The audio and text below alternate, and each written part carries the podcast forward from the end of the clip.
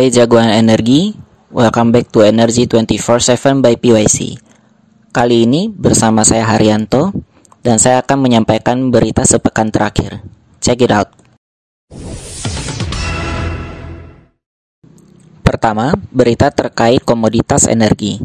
Harga rata-rata Indonesian Crude Price ICP masih tercatat pada level 36,68 USD per barel.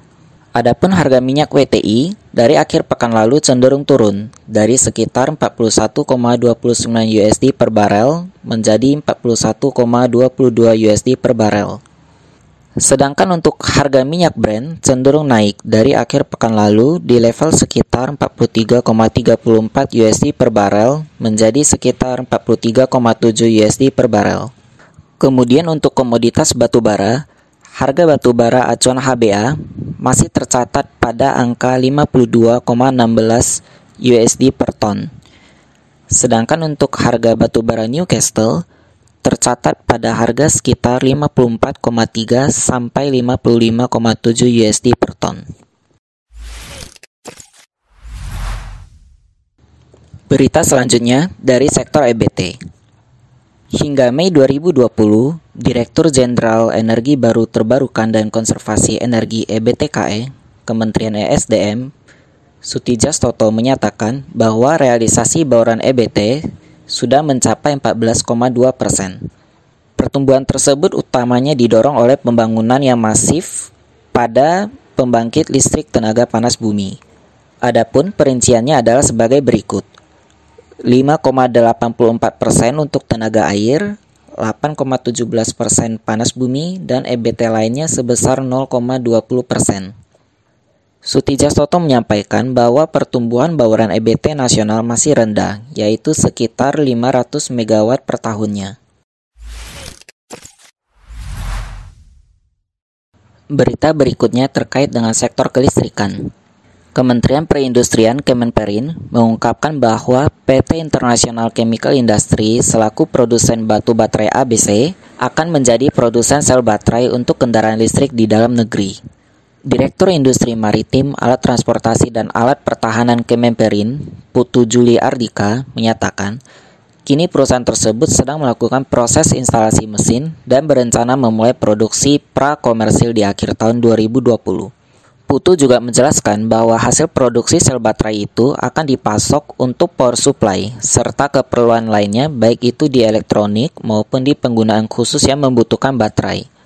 Langkah strategis ini dinilai dapat membantu memenuhi persyaratan tingkat komponen dalam negeri TKDN pada kendaraan listrik sebesar 35%, sebagaimana tercantum dalam Perpres nomor 55 tahun 2019. Selanjutnya berita terkait dengan PLN. Menurut keterangan VP Public Relations PT PLN, Arsyadani Gana Akmala Putri, akibat dari pandemi corona salah satunya adalah penjualan listrik PLN yang diperkirakan akan minus 6,13% dibandingkan realisasi tahun sebelumnya. Hal ini akan mempengaruhi proyeksi beban maupun penjualan listrik PLN yang tercantum di dalam RUPTL 2020-2029. Akibat dari pandemi corona juga, sejumlah proyek pembangkit listrik akan ditunda. PLN hanya akan meneruskan kerja proyek yang sudah terikat kontrak jual beli atau power purchase agreement. Berita selanjutnya terkait dengan kabar gembira bagi industri pers di tanah air. Pemerintah akan memberikan insentif bagi industri media untuk mengantisipasi efek pandemi corona.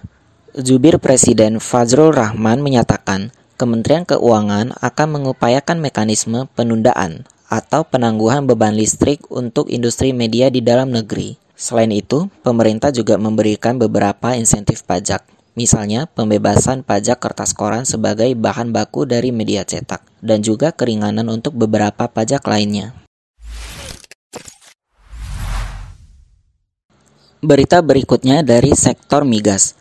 Perusahaan minyak dan gas asal Rusia berpotensi menggenggam hak partisipasi atau participating interest di blok tuna Kepulauan Natuna. Nantinya, perusahaan itu akan mengelola blok tuna bersama dengan Premier Oil. Wakil Kepala SKK Migas, Fatar Yani Abdurrahman, tidak menampik kabar tersebut. Beliau masih enggan menyebut nama perusahaan asal Rusia tersebut karena saat ini masih menunggu informasi resmi dari pihak Premier Oil. Berita selanjutnya terkait dengan blok Rokan. Hingga saat ini, PT Pertamina Persero masih belum mendapatkan mitra bisnis untuk mengelola blok Rokan. Padahal, blok yang saat ini masih dikuasai oleh PT Chevron Pacific Indonesia akan beralih kepada Pertamina pada Agustus tahun depan. Dirut Pertamina, Nike Widiawati menjelaskan, pencarian partner ini menjadi salah satu prioritas Pertamina saat ini setelah restrukturisasi, khususnya terkait dengan pengelolaan blok Rokan. Selanjutnya adalah berita dari sektor mineral. Kementerian ESDM memproyeksi bahwa pembangunan enam pabrik pengolahan dan pemurnian atau smelter untuk komoditas bauksit akan mundur ke tahun 2023 dari yang sebelumnya direncanakan selesai pada 2022 akibat dari pandemi corona. Karena pandemi, pengiriman alat smelter dan kedatangan tenaga ahli dari luar negeri menjadi terhambat. Selain itu, beberapa investor juga menunda investasinya. Sekian Energi 24/7 by PYC minggu ini. Terima kasih sudah mendengarkan dan jangan lupa untuk follow dan subscribe sosial media PYC. See you next week.